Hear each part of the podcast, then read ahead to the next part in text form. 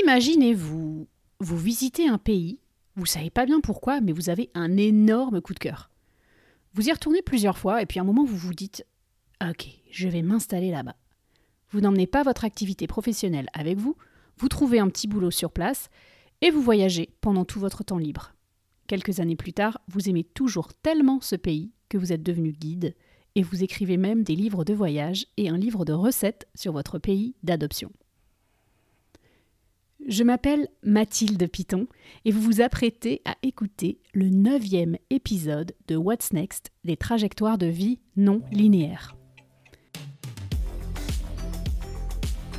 Mon invitée aujourd'hui s'appelle Sarah Lachab. Elle vit et travaille en Écosse et dans cette conversation, elle va raconter avec ses propres mots et son propre ressenti son aventure professionnelle et les multiples casquettes de sa vie de freelance. Pourquoi est-ce que j'ai contacté Sarah? Eh bien parce que j'avais l'impression, fondée euh, uniquement sur ce que je voyais d'elle sur Internet, qu'elle faisait la même chose que moi dans un autre pays et avec quelques années de décalage. L'interroger, c'était presque comme si je pouvais remonter dans le temps et euh, voyager dans l'espace et lui demander comment elle faisait pour jongler avec ses activités de guide et d'autrice. Si vous débarquez dans ce podcast, j'ai déménagé aux États-Unis en 2012 j'ai ouvert un blog en arrivant et au bout de quelques années, passionnée par Boston, ma ville d'adoption, je suis devenue guide touristique et j'ai également écrit de nombreux guides sur la ville et sur la région, la Nouvelle-Angleterre, ainsi que sur d'autres régions des États-Unis. Quant à Sarah, elle est arrivée en Écosse en 2015. Elle a ouvert un blog, French Kilt, qui a aussi changé sa vie, car ça lui a permis, entre autres, de devenir guide et autrice. C'est étonnant, non? Je voulais dépasser la surface de ces similitudes et rentrer dans le détail de qui elle est, son parcours, et puis aussi ce qui la passionne, ce qui la motive, et puis comment elle gagne sa vie. What's Next, c'est donc ce podcast, mais c'est aussi et surtout un récit. C'est le cœur de ce projet et ce récit, je le diffuse toutes les semaines via une newsletter payante. Le thème cette semaine et la semaine suivante, c'est le lieu où on vit. C'est pour ça aussi que j'ai invité Sarah. C'est la question que je vous ai posée dans mes DM Instagram. Où vivez-vous? Aimez-vous là où vous vivez? On parle de tout ça après ma conversation avec Sarah. C'est parti Sarah, salut, je suis hyper contente de te recevoir. Euh, on va commencer tout de suite dans le vif du sujet. Comment est-ce que tu réponds à la question? Qu'est-ce que tu fais dans la vie? Ah, alors qu'est-ce que je fais dans la vie? Euh, je suis guide pendant l'été. J'habite en Écosse, j'aurais peut-être dû commencer par ça. Je suis guide pendant, euh, la belle saison et euh, autrice et rédactrice de différentes choses pendant la basse saison, c'est-à-dire pendant, l'hiver. Donc, je parle de l'Écosse en été, j'écris sur l'Écosse en hiver. Est-ce que tu es complètement à l'aise avec cette, réponse? Non, parce que, c'est je sais pas, c'est des termes qui ne correspondent pas. Tu avais l'air très à l'aise pourtant, je trouve. C'est le ouais, je pense que depuis peu, je je suis peut-être un peu plus à l'aise avec ça, mais pour avoir signé beaucoup de trucs, pas forcément en mon nom, euh, c'est pas, tu vois, tu vas pas te dire oui, je suis autrice quand pas forcément ton nom sur tel ou tel bouquin, mais maintenant je pense que j'arrive à peu à peu euh, peut-être plus me sentir à l'aise avec, euh, avec ce titre. Et je fais le métier de guide depuis fin 2017. Donc tu es sur la voie d'être à l'aise, de dire je suis guide et autrice. au, bout de, au bout de quelques années. tu l'as dit, tu vis en Écosse, ton, idée, ton identité professionnelle, elle est liée euh, à ce pays. Et euh, j'avais envie de parler justement de ça et j'avais envie de parler aussi de l'hiver, puisque tu as dit que ton, métier, il avait deux facettes en fonction des saisons. C'était le cas pour moi aussi euh, quand j'étais guide. ici, on est en plein hiver à Boston, il va sans doute neiger aujourd'hui. il fait froid, mais pas très froid, tant qu'il n'y a pas de vent. Euh, je vois, toi, tu as un plaid autour des épaules, un beau plaid euh, aux couleurs euh, écossaises. pour préparer cette interview, j'ai parcouru ton blog, j'ai vu que tu essayais de réhabiliter l'hiver. Alors, comment tu es là, toi, maintenant, avec ton plaid sur les épaules? Comment c'est chez toi, là? Alors cet, hiver, il est particulier en Écosse parce que euh, le coût de l'énergie a tellement augmenté que personne ne chauffe chez soi. Donc on essaie de se tenir au chaud euh, comme on peut. Euh, c'est vrai que l'hiver écossais, il y a un petit côté cosy, un petit côté vie intérieure, la vie dans les pubs, la vie en communauté, le confort, le petit, le petit côté un peu cocooning au coin de la cheminée et tout ça. On, cette image, elle est, souvent euh, mise en avant et elle a quelques aspects euh, qui sont vrais, je trouve, et qui sont agréables. Et mm, moi, c'est une saison que j'aime bien, même si ça peut être difficile de ne pas avoir assez de lumière. Tu ne fais pas du tout de visite en hiver, c'est un choix ou c'est parce qu'il n'y a pas de clients? Euh, j'en fais un peu. D'ailleurs, cet hiver, j'aurais pu en faire beaucoup plus, mais, mais j'en ai refusé beaucoup parce que j'avais du travail par ailleurs. Il y a de plus en plus de gens qui viennent à Édimbourg, notamment pendant l'hiver, parce que c'est une bonne petite ville à explorer. Euh, maintenant, c'est moins le cas peut-être pour les Highlands et le nord du pays, parce que moi, mon métier de guide, il se sépare un peu en deux choses. D'un côté, j'ai, euh, je travaille à Édimbourg pour des visites pédestres, mais je pars aussi en excursion pour des agences dans le nord du pays. Et tu pars euh, plusieurs jours, tu dors avec les clients et compagnie, quoi? Ouais. Et comment ça se passe des blagues et tout, c'est marrant. C'est vrai, tu fais le bus, quoi J'ai fait aussi un petit peu. Ouais, ouais c'est cool, j'aime bien. C'est vraiment quelque chose de très, très différent par rapport aux visites pédestres à Édimbourg, où ça va être plutôt des, des familles qui voyagent euh, indépendamment, des groupes d'amis. Euh, des personnes seules aussi. Euh, quand je pars sur un séjour, bah, c'est très bonne ambiance. C'est plutôt des seniors qui sont là pour s'amuser en vacances et tout ça, mais aussi pour apprendre plein de choses. Et moi, ma mission principale, je pense que c'est euh, euh, débunker ou détruire un peu certains préjugés sur l'Écosse, tout en essayant de, euh, donner le plus de, valeur possible et de faits intéressants à garder en soi, pour soi plus tard. Donc c'est plutôt une bonne mission et quand j'ai une semaine, bah, j'ai plus de chances d'y arriver. J'ai l'impression que l'Écosse, c'est un pays passion un peu comme les États-Unis et un peu comme plein d'autres pays, comme ça, je pense au Japon à la Nouvelle-Zélande ou l'Italie, pour plein chacun chaque pays pour ses propres raisons.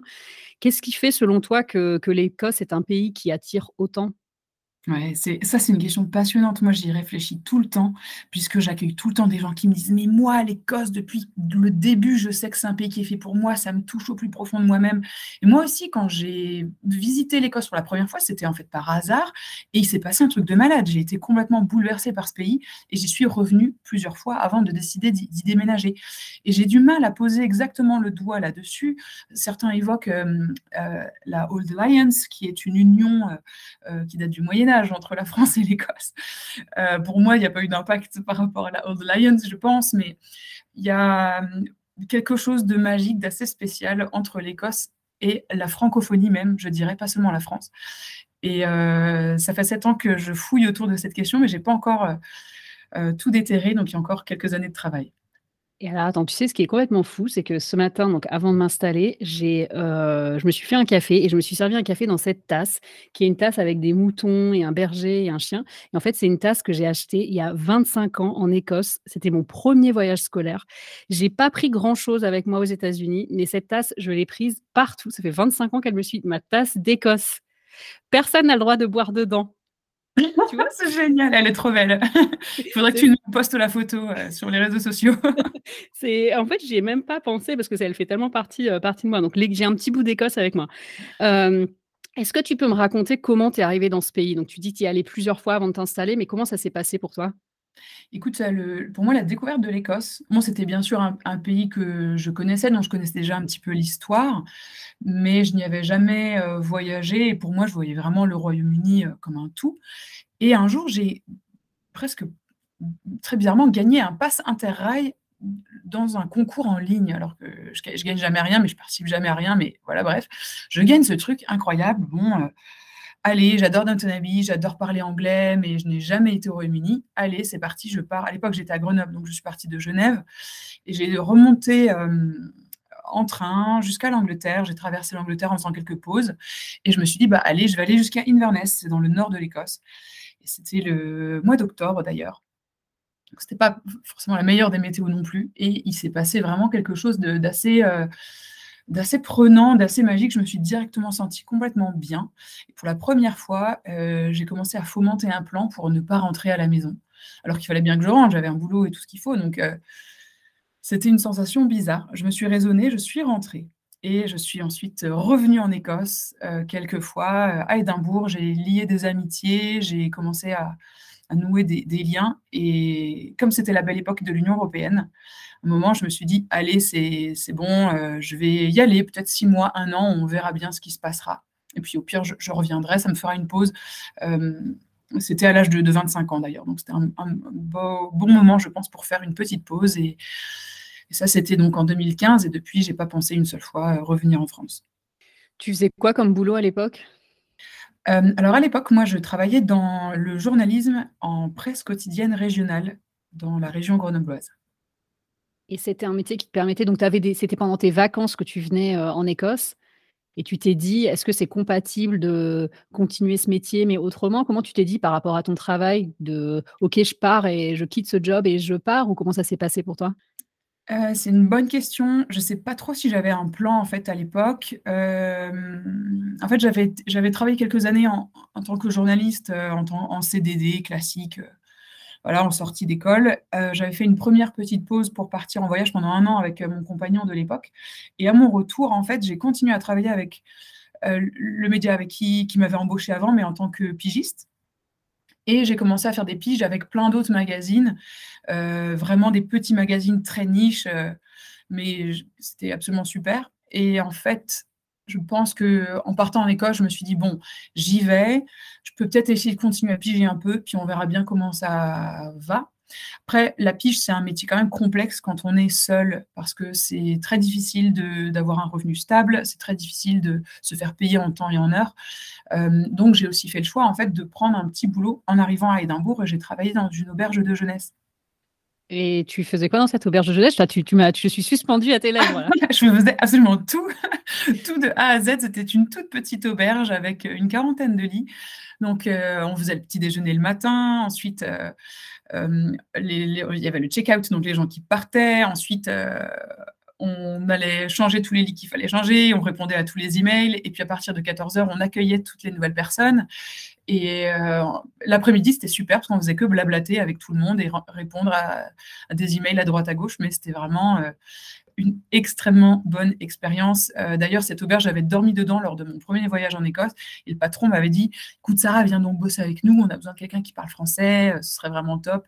À l'époque, j'avais envoyé boulier, mais euh, six mois plus tard, je lui ai fait un email en disant Est-ce que c'était une blague ou est-ce que je peux venir?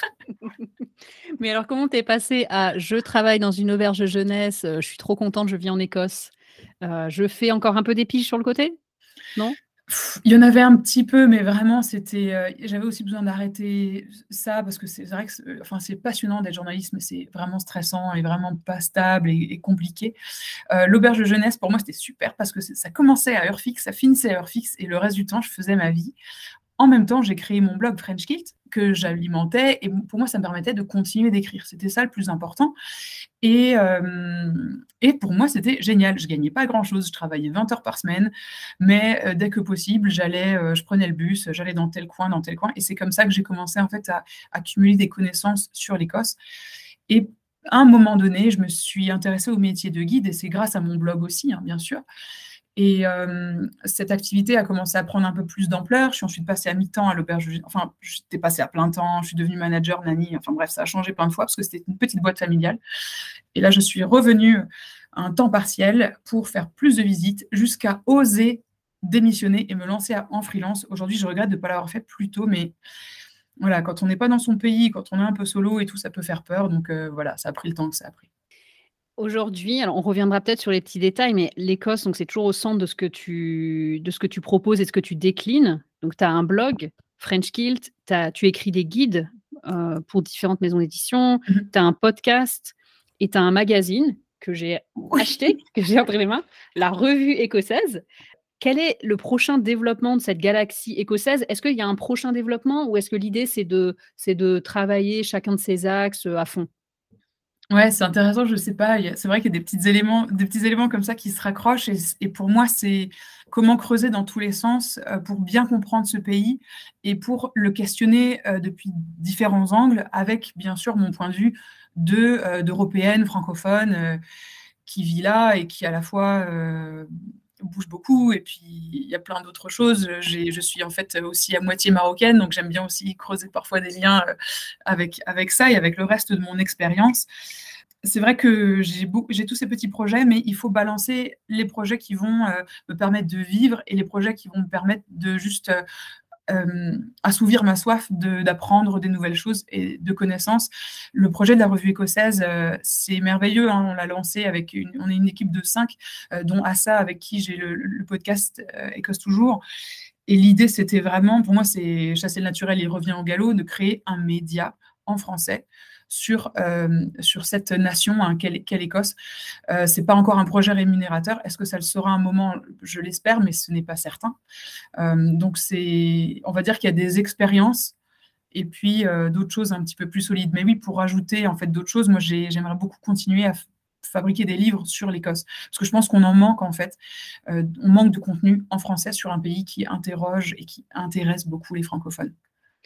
Est-ce qu'on peut parler justement un peu d'argent? Parce que tu dis, euh, mmh. il y a les projets qui font vivre et puis les projets passion. Comment justement toi, tu arrives à te laisser porter par ce qui te plaît tout en te disant, OK, il faut quand même que je gagne ma vie? Ouais, Comment où, t'en es là? C'est toute la difficulté. J'arrive pas encore à lâcher assez de l'est pour faire vraiment ce que j'ai envie, écrire vraiment ce que j'ai envie. Je suis toujours j'allais dire driver, mais j'ai pas envie de faire un, anglicisme, mais je me suis toujours vraiment euh, menée par cette idée de il faut s'assurer que ça va aller côté financier et tout ça. Pour moi, devenir guide, ça a été quand même un, bon un bon plan en tant que, freelance par rapport à être pigiste. Parce que quand tu es pigiste, tu sais pas quand tu es payé, tu sais pas quand tes papiers sortent. C'est un peu la folie. Là, en tant que guide, aujourd'hui, on est le 6 janvier ma saison 2023 euh, avec des agences sont bouclées. Après, je vais encore avoir de la clientèle pour mes visites à Édimbourg. Euh, d'ailleurs, je suis en train de changer complètement la structure euh, à travers laquelle je travaille et je m'associe à une concert. Donc, on va pouvoir gérer ça ensemble. donc, du côté financier, je sais que cette année, avec les semaines qu'on m'a déjà bloquées, je vais avoir le revenu minimum qu'il me faut. Donc ça, ça me permet quand même une certaine flexibilité et je sais que ce n'est pas le cas pour tous les freelances. Donc, je, mesure ma chance de, pouvoir dire ça. Et euh, ça, je peux le faire en me disant, ces, voyages d'agence, en fait, c'est entre, euh, allez, on va dire une quinzaine de jours euh, de travail entre le mois d'avril et le mois d'octobre, tous les mois, quoi. Pour moi, enfin, quand je t'entends, je me dis, ouais, c'est un équilibre parfait. Et en fait, c'était l'équilibre que j'avais il y a quelques années, sauf que pour moi, la passion, c'est tari. il y a eu un moment où je me suis dit, je pense que c'est pas quelque chose qui me correspond vraiment d'être guide. Et je veux pas cracher dans la soupe parce que c'est quand même ça a été un métier que j'ai beaucoup aimé. Mais comment toi, tu arrives à cultiver, euh, à maintenir cette passion? Que tu as l'air d'avoir hein, quand je t'entends, j'ai l'impression que tu es hyper passionné, mais comment tu t'arrives à. Enfin, est-ce que tu es toujours passionné Est-ce que tu dois encore continuer pendant un moment où tu te poses pas la question Tu dis, OK, 2023, c'est bon, on verra après, euh, plus tard. quoi? Ouais, ça va changer. Moi, je me dis toujours, bon, là, j'en suis à mon troisième métier sur 5 euh, à, 8, peut-être dans ma vie ou plus, on verra. Euh, pour moi, être guide, c'est génial, ça demande beaucoup d'énergie, mais je pense qu'il ne faut pas, faut pas trop tirer sur la corde. Euh, c'est pour ça que c'est bien d'avoir une certaine saisonnalité et d'alterner un peu les modes de travail parce que si j'étais toutes les semaines sur la route, eh bien, je me lasserais. De même, si je faisais que du Édimbourg H24, euh, ce serait beaucoup trop. Et là, j'aime bien ma balance parce qu'en fait, euh, OK, ce mois-ci, je vais partir une semaine avec un groupe d'agriculteurs, on va aller visiter des fermes, ça va être hyper drôle. Et de l'autre côté, je sais que je vais revenir à Édimbourg et je vais me faire des petites balades de 2 heures à 4 heures max euh, avec des familles qui vont être des gens curieux, qui vont aussi avoir une nouvelle lumière sur les choses, qui vont me forcer à me questionner sur des nouvelles choses. C'est un métier qui est presque euh, un boulot d'acteur, en fait, parce que c'est une vraie performance. Et il y a aussi beaucoup de liens avec le métier de journaliste parce que on cherche des infos, on les remâche un petit peu et on les livre euh, sous un format qui est euh, digeste en fait pour pour le, voyageur. Et c'est ça qui me semble hyper intéressant. Donc, quelque part, les compétences sont toujours un petit peu les mêmes, mais c'est la manière de les servir euh, qui est peut-être un petit peu euh, différent, différente. Pardon. Euh, je pense que je ne serai pas guide toute ma vie. Par contre, c'est vraiment, je pense, une bonne chose à faire pour moi pour utiliser mes compétences. Parce qu'en fait, je pourrais bosser dans une boîte et quand même avoir ma, toute, toute mes projets rédactionnels sur l'Écosse à côté. Mais en fait, être guide, ça me permet de réutiliser mes connaissances. Et si je lis un livre sur, euh, je ne sais pas, euh, l'époque romaine en Écosse, ce que je vais apprendre, je vais pouvoir l'utiliser dans certains bouquins plus tard et je vais pouvoir l'apprendre, l'utiliser au quotidien aussi dans mes visites. Je suis d'accord avec toi pour ce côté de, c'est presque le même cœur de métier. Toi, tu dis journaliste, moi j'avais tendance à dire que c'était le, cœur de métier, c'était l'écriture. De ce que je faisais, mais c'était, c'était déployé de façon, différente, dans une performance, avec des vraies personnes ou dans des livres ou autre chose, J'ai l'impression, tu l'as dit, que tu donc tu as fait cette collaboration pour la revue écossaise. Là, tu dis que tu vas travailler avec, une collaboratrice, c'est peut-être la même personne qui fait le podcast avec toi? Je sais pas, non? pour la revue écossaise et le podcast, oui, c'est, Assa. la collègue avec qui je vais faire, les visites guidées, c'est encore une autre personne, mais en effet, je j'aime beaucoup m'associer à d'autres personnes passionnées autour de moi et ça génère tellement de bonnes choses. Mais c'est ça que je voulais te demander parce que moi, je me sens pas mal isolée quand même ici à Boston. Euh, les freelances que je fréquente, c'est des amis et en fait, ils sont freelance dans d'autres euh, domaines. Comment ça se passe pour toi en fait euh, Ces collaborations, c'est des francophones, c'est des gens que tu rencontres comment? C'est vrai que j'ai eu la chance. si tout se passe bien aujourd'hui, c'est vraiment grâce à mon formidable réseau de personnes qui prennent soin de moi, qui sont bienveillantes et j'espère que je leur rends euh, suffisamment. Mais c'est vrai que ça, a été un, tremplin euh, vraiment super. Euh, Assa, avec qui je fais le podcast et la revue écossaise, eh bien, elle, elle vient aussi du monde du journalisme et elle, elle réussit, elle continue à être journaliste en Écosse pour des médias francophones. donc, grand coup de chapeau à elle. Et alors, tu vas rire parce qu'il y a énormément de Mathilde autour de moi. je ne sais pas pourquoi en France, j'en connaissais une. En Écosse, maintenant, j'en connais cinq. le côté, euh, peut-être le, nom un peu anglophone, euh, Germain. il y a, ouais, il y a quelque chose d'assez intéressant. Donc voilà, j'ai quelques Mathilde guides qui, qui, travaillent aussi avec moi et qui échangent beaucoup. Par contre, ce sont toujours des gens, euh, j'aime pas tellement ce, terme de slasher, mais qui font d'autres choses à côté, euh, que ce soit des activités créatives ou euh, du développement dans d'autres domaines. Moi, ça m'aide beaucoup parce que je n'ai pas du tout de, de background business, économique, tout ça. Or, ça me manque beaucoup. Je ne viens pas d'une famille de, de, gens qui ont leur propre boîte. c'est vraiment quelque chose qui est 100% nouveau pour moi. Et c'est mmh. vraiment un domaine où j'ai des grosses lacunes. Donc je trouve que s'entraider et s'épauler, bah, ça aide beaucoup. Je te parlais euh, un moment, euh, il y a quelques mois sur, sur Instagram, de mon, petit, de mon co-coaching avec euh, justement l'une de mes Mathilde qui fabrique des kilts, qui fait de la couture et qui fait aussi quelques visites et des ateliers. Donc avec elle, en fait, on essaye vraiment de, même si on bosse dans des domaines différents, il y a beaucoup de points communs et se cadrer l'une l'autre, ça nous a vachement aidé. On a l'impression de, de savoir pourquoi est-ce qu'il faut avancer sur tel ou tel aspect du business pour ensuite pouvoir échanger euh, sur notre expérience. Et ça, ça m'aide vraiment beaucoup. Je recommande à, quiconque dans la même situation de faire ça. ça, c'est ce que tu c'est ce que vous appelez le co-coaching, c'est ça? Oui, ouais. Et donc, c'est un rendez-vous que vous avez hebdomadaire? Ouais, on a, commencé pendant le Covid parce qu'on avait besoin d'un cadre, parce qu'on s'est retrouvés toutes les deux euh, un peu pantoises à la maison. Et en fait, euh, le, idéalement, le lundi, on annonce ce qu'on va faire pendant la semaine. C'est pas long, hein. on prend 20 euh, minutes chacune où on s'appelle. On se dit, OK, cette semaine, mission, tac, tac, tac, je veux faire ça, ça, ça. On a nos notes qui sont partagées. Le vendredi, en fin de semaine, on refait un petit point. Et on transvase quelques petits trucs sur le reste de la semaine. Donc, c'est juste plaisant comme moment. on le fait parfois aussi à l'échelle du mois ou sur des aspects en particulier. Et surtout, un gros, gros à la fin de l'année et comme on se fait beaucoup confiance, on se montre tous nos chiffres, nos ventes, nos questions euh, et tout ça. Donc, ça, nous permet vraiment de, de, regarder l'une l'autre, en fait, et d'essayer de se donner des conseils, comment euh, améliorer tel ou tel aspect, comment répondre à ceci ou à cela? Et c'est vrai que c'est vraiment chouette. N'ayant pas d'énormes de, réseaux ou d'entreprises derrière moi, euh, sans ça, je pense que ça se diluerait beaucoup. Ah oui, c'est beaucoup plus. Moi, quand tu m'en avais parlé sur Instagram, j'imagine que c'était juste un petit café où tu vas dire rapidement ce que tu vas faire pendant la semaine, mais ça a l'air d'être beaucoup plus profond que ça, puisque vous parlez aussi de chiffres et presque de développement de business aussi, quoi, de stratégie. Ouais, c'est vraiment ça. Ouais, on règle des petites questions. Après, voilà, on n'arrive pas tout le temps à le faire toutes les semaines. Depuis, là, avec, tu vois, pendant tout l'été, on était sous l'eau, donc on n'a pas pu le faire, mais là, on s'y remet. Mais moi, j'ai besoin de pouvoir parler en toute confiance de, de là où j'en suis, de quels sont les questionnements, de pas, enfin, de montrer aussi quels sont les, problèmes. Et de parce que aussi, tu sais, quand tu es, je sais pas si toi, tu es passé à travers ça quand tu as monté ton entreprise de, visite guidée, mais voilà, on est des nanas, on a la trentaine, on est étrangère. Comment fixer des bons prix? Comment ne pas se sous-vendre? Qu'est-ce que c'est qu'une bonne marge? Euh, Dans quelle mesure euh, on tape juste? Tout ça, c'est des questions qui nous gardent réveillés la nuit. Donc, au moins, si on peut en discuter ensemble, c'est bien. Ouais, c'est top ça. Tu as mentionné, que vous avez commencé cette, ce co-coaching, pendant le covid. J'ai vu en fait aussi sur ton blog que comme, tous les travailleurs indépendants, qui plus est dans le tourisme, tu as été touché de plein fouet par la pandémie avec l'arrêt des visites, l'attente d'indemnités chômage.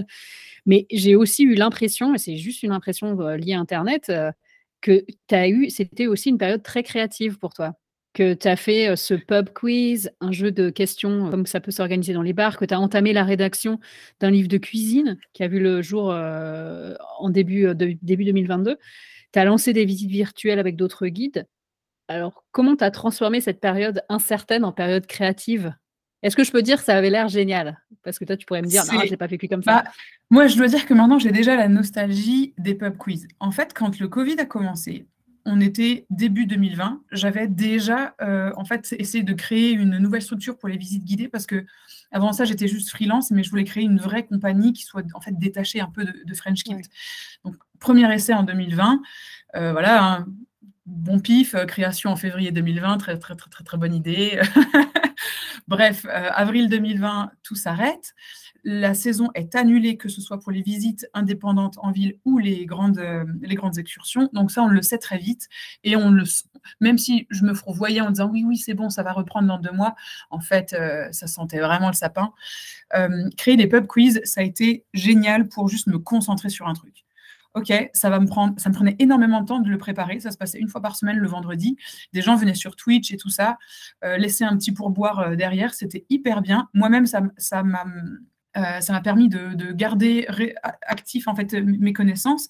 J'ai toujours ce lot de plus de 400 questions qui sont écrites, qui peut-être un jour serviront à quelque chose, je ne sais pas, que j'ai d'ailleurs déjà réutilisé depuis dans des, excursions dans, les bus.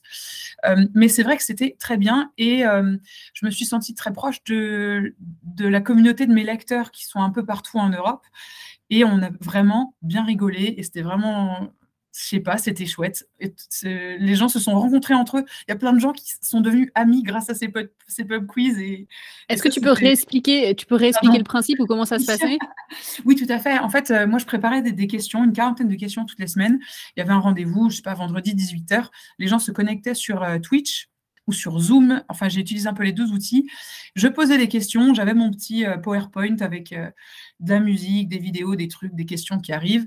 Et ça durait euh, une heure et demie, deux heures. Et on faisait le corriger, on expliquait ensuite les réponses. Les gens comptaient leurs points. Tout était 100% à la confiance. Il n'y avait pas vraiment euh, gagnant de perdant. Mais c'était chouette. Il y avait des enfants, il y avait plein de gens partout. C'était plutôt drôle.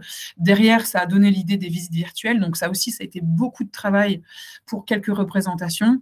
Euh, moi, ça m'a donné l'impression de quand même travailler même si euh, ça ne vous est pas vraiment gagné euh, assez de sous, c'est pas grave, mais ça nous faisait travailler et ça nous ça, suscitait plein d'idées. Et c'est vrai que c'était une période créative. Et le livre de recettes, je dois dire que je pense que sans Covid, il n'aurait pas pu euh, apparaître parce que ça demandait énormément de temps de travail. Là aussi, j'avais une formidable comparse qui est Aurélie. Elle est créatrice de, de recettes et photographe culinaire. c'était très drôle parce que sur le blog, en fait, sans pouvoir écrire d'articles de voyage, j'ai fait des petites recettes simples. Et Aurélie, qui habite à Édimbourg, est venue me faire un message en disant Trop cool tes recettes, par contre, tes photos, elles sont pas vraiment géniales. Voilà, je te les ai refaites, tu peux les utiliser, fonce. Et à ce moment-là, je lui ai dit, mais Aurélie, il faut que tu fasses un livre de recettes sur l'Écosse parce que moi, j'en ai besoin. Euh, j'ai besoin de montrer ça à, mes clients parce que tout le monde pense qu'on mange mal en Écosse. Or, c'est faux. Et c'est de là qu'est né ce, ce projet complètement fou. D'ailleurs, on a annoncé à tout le monde qu'on allait le faire avant d'avoir trouvé un éditeur. Mais euh, tu fais des recettes, donc tes recettes sont des recettes écossaises. Sur le, voilà, sur le, dans le livre, il y a, c'est le, premier livre en fait de recettes écossaises en français. Mais sur ton blog, quand tu as commencé, c'était aussi des recettes. Tu vous disais, ouais, je vais, faire des recettes euh, écossaises. Ouais. Voilà, puisque comme les gens ne peuvent pas voyager, au moins ils pouvaient faire ça à la maison et se connecter un petit peu euh, avec l'Écosse. Et c'était vraiment une super aventure, parce que même si j'avais déjà eu une expérience éditoriale avec les guides de voyage, faire un bouquin qui n'est pas dans une collection, qui sort de nulle part, de A à Z, en tant que euh, co-autrice principale, ben, c'était vraiment une super expérience et j'espère que ça se reproduira. Et ça s'est passé comme ça, en fait, vous avez euh, réfléchi aux recettes ensemble, elle, les a photographiées, euh, stylisées, tout ça, et puis vous, avez cherché un éditeur pour vous publier. Ouais, c'est ça. Bon, euh, au début, moi, j'ai dit, j'ai conseillé Aurélie de le faire toute seule. Elle m'a dit non, non, j'aimerais bien qu'on le fasse ensemble. Je dis bon, bah dans ce cas-là, moi, euh, n'étant pas une spécialiste de la gastronomie, euh, je vais faire des petits articles thématiques sur la culture écossaise, sur l'histoire de, de l'alimentation, sur les, les, différents plats et les légendes autour de tous ces plats. Donc chaque recette a sa petite intro. Il y a aussi des articles transversaux. Et on a lancé une newsletter. On s'est dit, vas-y, on crée une nouvelle newsletter on, envoie une recette par mois, on verra bien ce, qui tombe. Euh, ça, donne une certaine confiance en fait aux gens, euh, je pense. Et quand on allait voir des éditeurs, donc euh, moi j'y vais avec, mon petit air d'ayatollah de l'Écosse hein, en disant mais il faut absolument parler de l'Écosse, arrêtez tout, c'est le livre de l'année.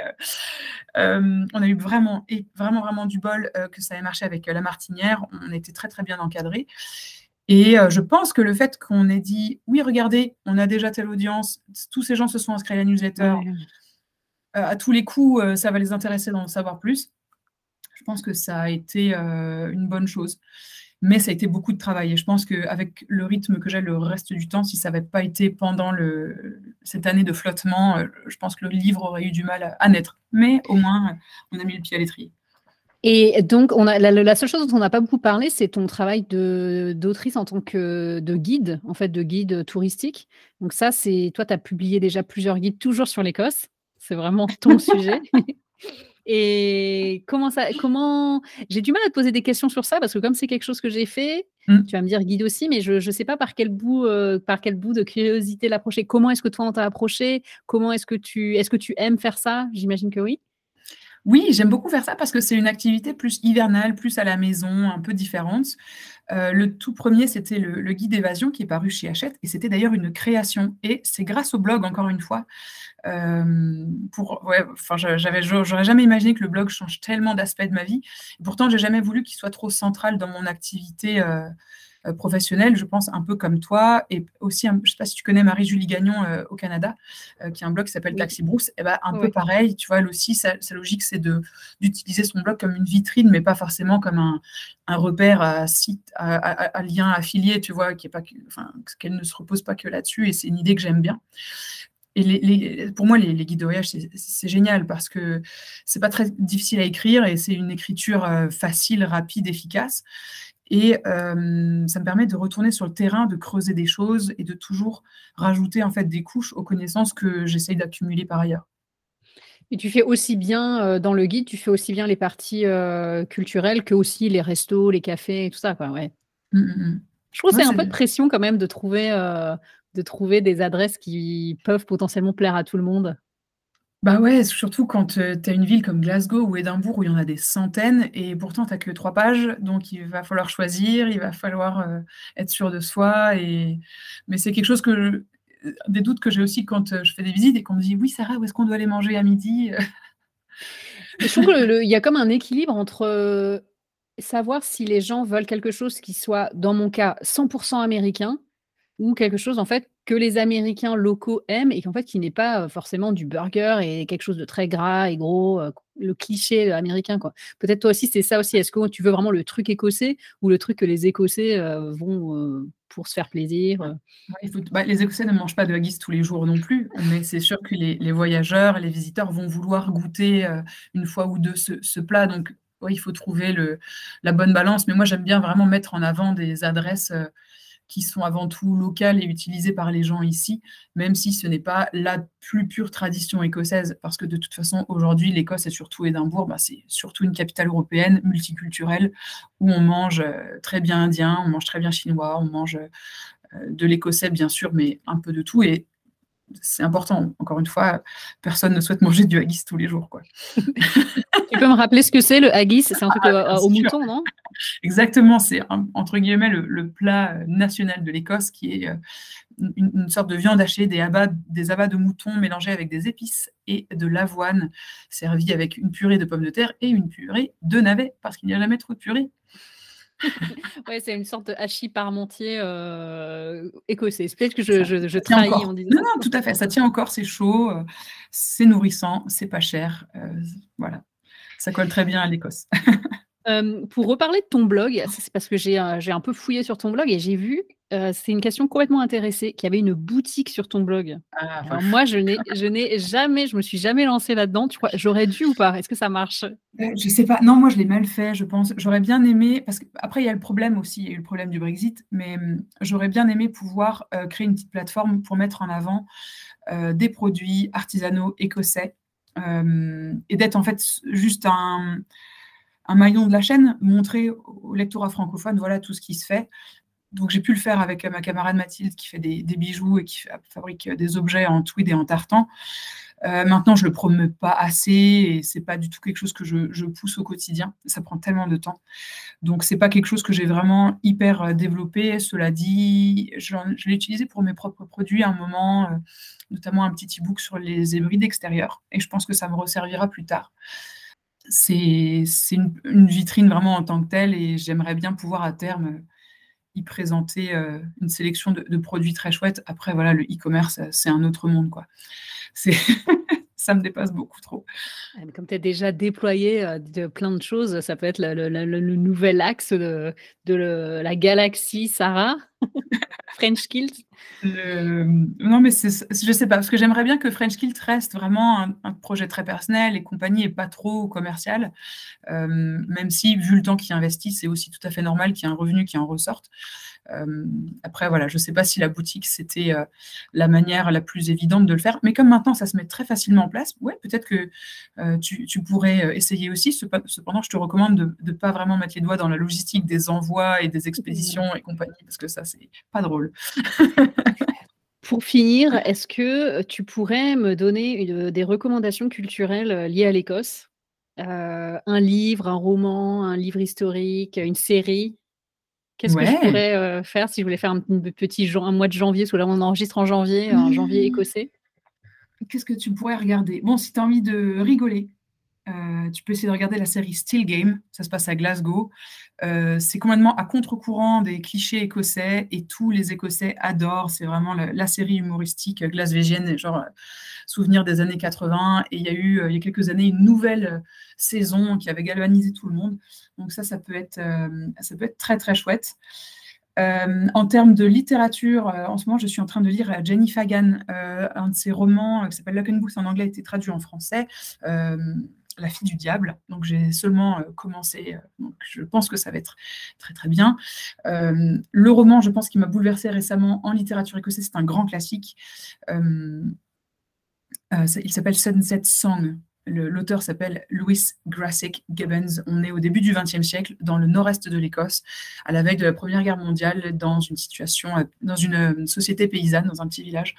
vraiment très très bien écrit. Euh, très bonne surprise. Par contre, je l'ai lu en français parce que euh, en version originale, il y a beaucoup de, de, Doric, vraiment le dialecte écossais euh, de la Birdinshire. Donc, si tu as l'impression que je regarde sur le côté, c'est parce que j'ai une immense carte de l'Écosse qui est juste là et que je suis en train d'y chercher de, de l'inspiration. Après, je pense que l'une des grandes porte sur l'Écosse euh, du point de vue visuel, série télé, c'est bien sûr Outlander, et c'est peut-être un lien entre ton monde et le mien, puisque cette série télé euh, relie euh, les États-Unis naissants et l'Écosse. Je ne sais pas si tu l'as regardée. Je n'ai jamais regardé cette série, mais j'avais une amie qui était complètement fan, qui adorait Jamie, c'est ça le, le personnage principal, qui était fan de Jamie, et en fait, je n'ai, je, me suis, ça m'a jamais. Euh, j'ai regardé le premier épisode, mais je pourrais me lancer parce que je sais que c'est une série qui passionne. Euh. Pour, pour l'hiver, je pense que c'est pas mal. Moi, je suis pas euh, immensément fan. J'ai vu les deux premières saisons parce qu'elles se passent en Écosse. Après, justement, ça part en Amérique. Mais voilà, c'est, les, paysages, tout ça, c'est, très beau. On entend du gaélique, on entend des petits mots écossais. Donc, pour ça, franchement, ça, vaut vraiment le coup. C'est encore une fois, c'est une bonne porte d'entrée. Et après, on peut, euh, euh, on peut creuser, on peut aller plus loin. Sinon, tu peux te replonger dans les films Trainspotting, le, le premier des années 90 que peut-être tu te souviens, tu t'en rappelles peut-être. en, euh, en 1990, j'avais quand même j'avais 7 ans et je pense pas que je regardais des films comme ça. Je l'ai jamais vu, je l'ai jamais vu. Ouais, moi j'ai vu en étant je sais pas en étant ado, genre à 15 16 ans, c'était un peu genre le film choc. c'est vrai, c'était le film cool de l'époque. Mais voilà, pour un petit peu de, nostalgie. Je peux continuer longtemps. Hein.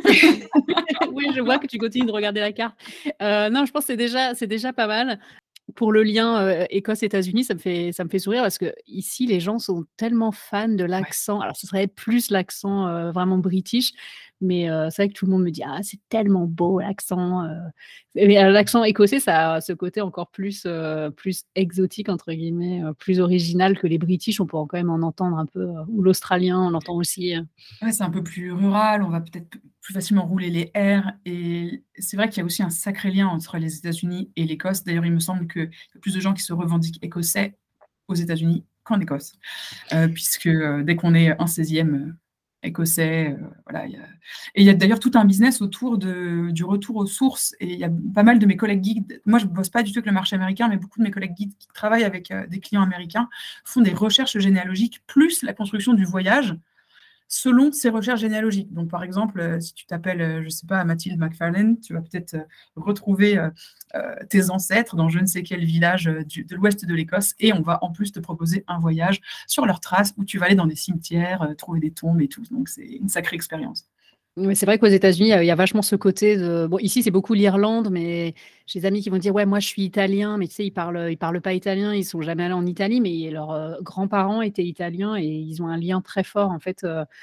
même s'ils parlent pas, même s'ils sont pas allés avec, euh, avec le pays d'origine de leur famille. Quoi. Ouais, c'est vrai que c'est intéressant comme lien. Qu'est-ce que tu voulais faire quand tu étais petite? Ah, eh bien, pas mal de trucs. Je pense que ma maman est instite, donc euh, très naturellement, euh, je me suis dit, bah, moi aussi, je vais être instite comme ma maman. Après, j'étais ado, donc je dis, non, je veux pas être instite pour pas faire comme ma maman. Euh, alors que je pense que les métiers de l'enseignement m'auraient bien, bien convenu également. J'ai eu une phase, euh, ouais, la biologie, c'est trop bien, vive euh, les plantes et tout ça. Alors, ça n'a pas duré longtemps, mais je me rappelle exactement, c'était quand j'étais en troisième, une petite phase comme ça. Et euh, ensuite, une grande phase de je ne sais pas, vraiment. et c'est pour ça que je suis allée aussi vers une, une prépa littéraire pour ne pas avoir à choisir. Et puis ensuite, le métier de, de journaliste s'est rapidement imposé et j'ai pu faire beaucoup de petits boulots dans cet univers qui, m'ont permis en fait de confirmer que c'était ce que j'avais envie de faire. Donc ton toi du passé euh, serait surprise de te voir euh, faire ce que tu fais maintenant?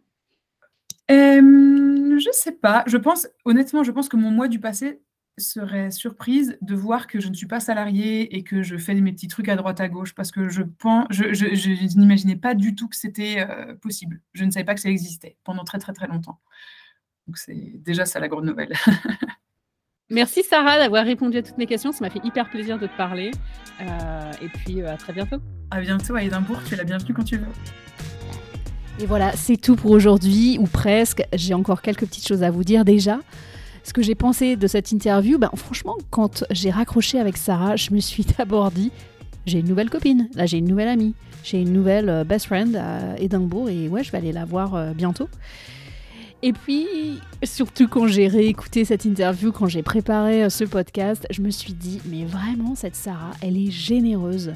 Elle est généreuse dans tout ce qu'elle entreprend. Et on dirait que sa créativité, elle vient de cette générosité, elle émane de cette envie de, donner et de toutes ses collaborations avec d'autres personnes en freelance euh, francophones qui vivent avec elle en Écosse. Ça, ça m'a vraiment beaucoup marqué et ça nourrit ma réflexion What's Next? Car si j'ai dit dans l'intro que j'étais guide et autrice de guide de voyage, eh bien vous l'aurez sans doute compris, c'est quelque chose que je ne fais plus aujourd'hui et je suis à la recherche de ma prochaine aventure professionnelle. Ce podcast et le récit What's Next explore cette quête. Le podcast est là pour faire parler euh, mes invités de leur parcours et le texte disponible sur Substack explore mes propres questionnements et mon avancée dans cette recherche de bah, qu'est-ce que je vais faire maintenant. Venez sur Instagram à What's Next Mathilde me dire ce que cette conversation vous a inspiré et venez raconter votre propre histoire professionnelle, ses remous, ses questionnements sur Substack. C'est le cœur de mon projet, c'est ce récit. Et bien sûr, c'est vos, vos réactions. Vous me retrouvez donc sur whatsnextmathilde.substack.com. Abonnez-vous, je vous attends. Vous l'aurez compris, cette semaine, Dans le podcast, on parle, on a beaucoup parlé d'Écosse avec Sarah et moi, je vais parler dans mon récit de rentrer ou pas en France. Et puis la semaine prochaine, je parlerai de qu'est-ce que c'est de vivre à Boston pendant 10 ans, pendant plus de 10 ans. Pourquoi on n'est toujours pas rentré? Euh, Ce sont les sujets que, que, je vais aborder. En attendant, dans mes DM Instagram, vous m'avez répondu à la question où vivez-vous et aimez-vous l'endroit où vous vivez? Si vous avez quitté votre pays natal, imaginez-vous y revenir un jour c'est à vous. Bonjour Mathilde, je suis Elsa, je te parle depuis euh, le Québec où je vis depuis euh, à peu près 12 euh, ans. D'abord à Montréal où j'ai fait mes études, puis maintenant j'habite dans la ville de Québec avec ma famille. donc ça fait vraiment longtemps que j'ai quitté la France. Et bien que j'ai beaucoup de plaisir à retourner en France pour mes, mes vacances, voir ma famille, euh, etc. Euh, j'adore la culture française. J'aime beaucoup la défendre euh, en vivant à l'étranger. cependant, je ne me vois absolument pas retourner vivre là-bas pour plein de raisons. On dirait qu'au bout de plus de dix ans, j'ai intégré la mentalité, la culture québécoise, mais aussi pour bah, le, rapport au travail, euh, la façon d'éduquer les enfants, euh, etc. Il y a beaucoup de choses qui me déplaisent finalement dans ce que je vois euh, en France et que j'aime beaucoup plus. Coucou Mathilde, c'est Julie, je t'appelle de la Bretagne, depuis la Bretagne. Je suis community manager et rédactrice web et j'ai 42 ans. Et alors ta question du, jour, vraiment, elle me parle énormément. Aimez-vous l'endroit où vous vivez? En fait, moi j'ai choisi ces deux métiers il y a cinq ans environ, euh, parce que c'était des métiers que j'allais pouvoir exercer euh, de n'importe où dans le monde et j'avais ce projet de voyager et de pouvoir travailler en voyageant. Donc euh, j'ai voyagé pendant quatre ans en famille et donc on est, on, est parti un peu dans l'océan Indien, on a fait une, une, année de nomade un peu en Asie du Sud-Est. Et on s'est posé ensuite à Bali pendant deux ans. Le Covid fait qu'on a dû euh, rentrer en France quelques mois, mais on, voulait repartir euh, assez rapidement. Et donc on s'est installé en Espagne pendant une année. On a adoré ces années de voyage, cette année aussi en Espagne, euh, mais on voyage avec un, ado qui va avoir 15 ans très bientôt et qui lui en a marre de, voyager. il a très mal vécu l'année en Espagne, c'était difficile. Euh, et on a fait le choix de, revenir en France pour lui. Et euh, du coup, c'est très difficile pour nous. Donc euh, voilà, la question de aimez-vous où vous vivez, nous, c'est vraiment une question qui a guidé un peu notre vie ces derniers, ces derniers mois, ces dernières années. Et aujourd'hui, on n'aime pas où on vit, à part notre fils. Et donc, l'objectif, c'est de trouver un endroit où on soit bien tous les trois c'est pas facile finalement. Trop de choix, euh, tu le choix. On est tous les deux euh, indépendants, on peut travailler d'où on veut.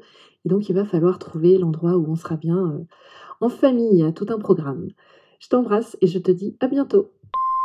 Salut Mathilde, moi c'est Séverine. Alors j'habite à New York depuis 15 ans et oui, j'adore où je vis. j'adore cette ville, j'adore son ciel bleu qui, et, sa, et son énergie indescriptible. Et est-ce que j'envisage de rentrer?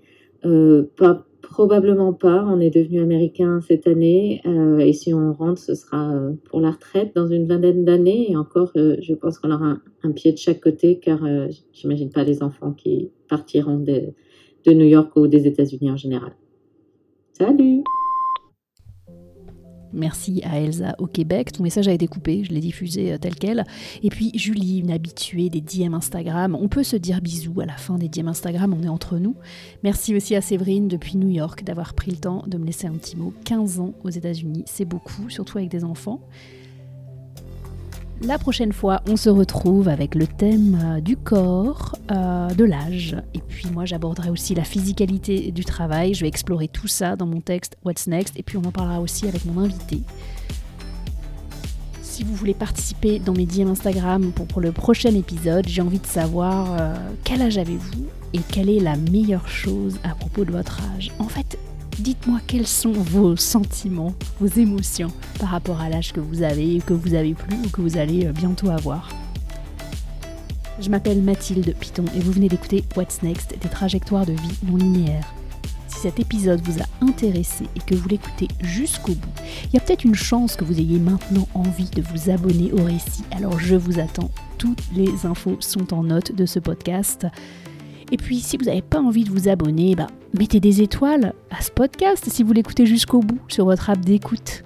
Moi, je vous dis see you dans deux vendredis pour un prochain épisode et tous les vendredis pour un nouveau récit directement dans votre boîte mail. Participez au mouvement What's Next. Rendez-vous sur whatsnextmathilde.com. Bye bye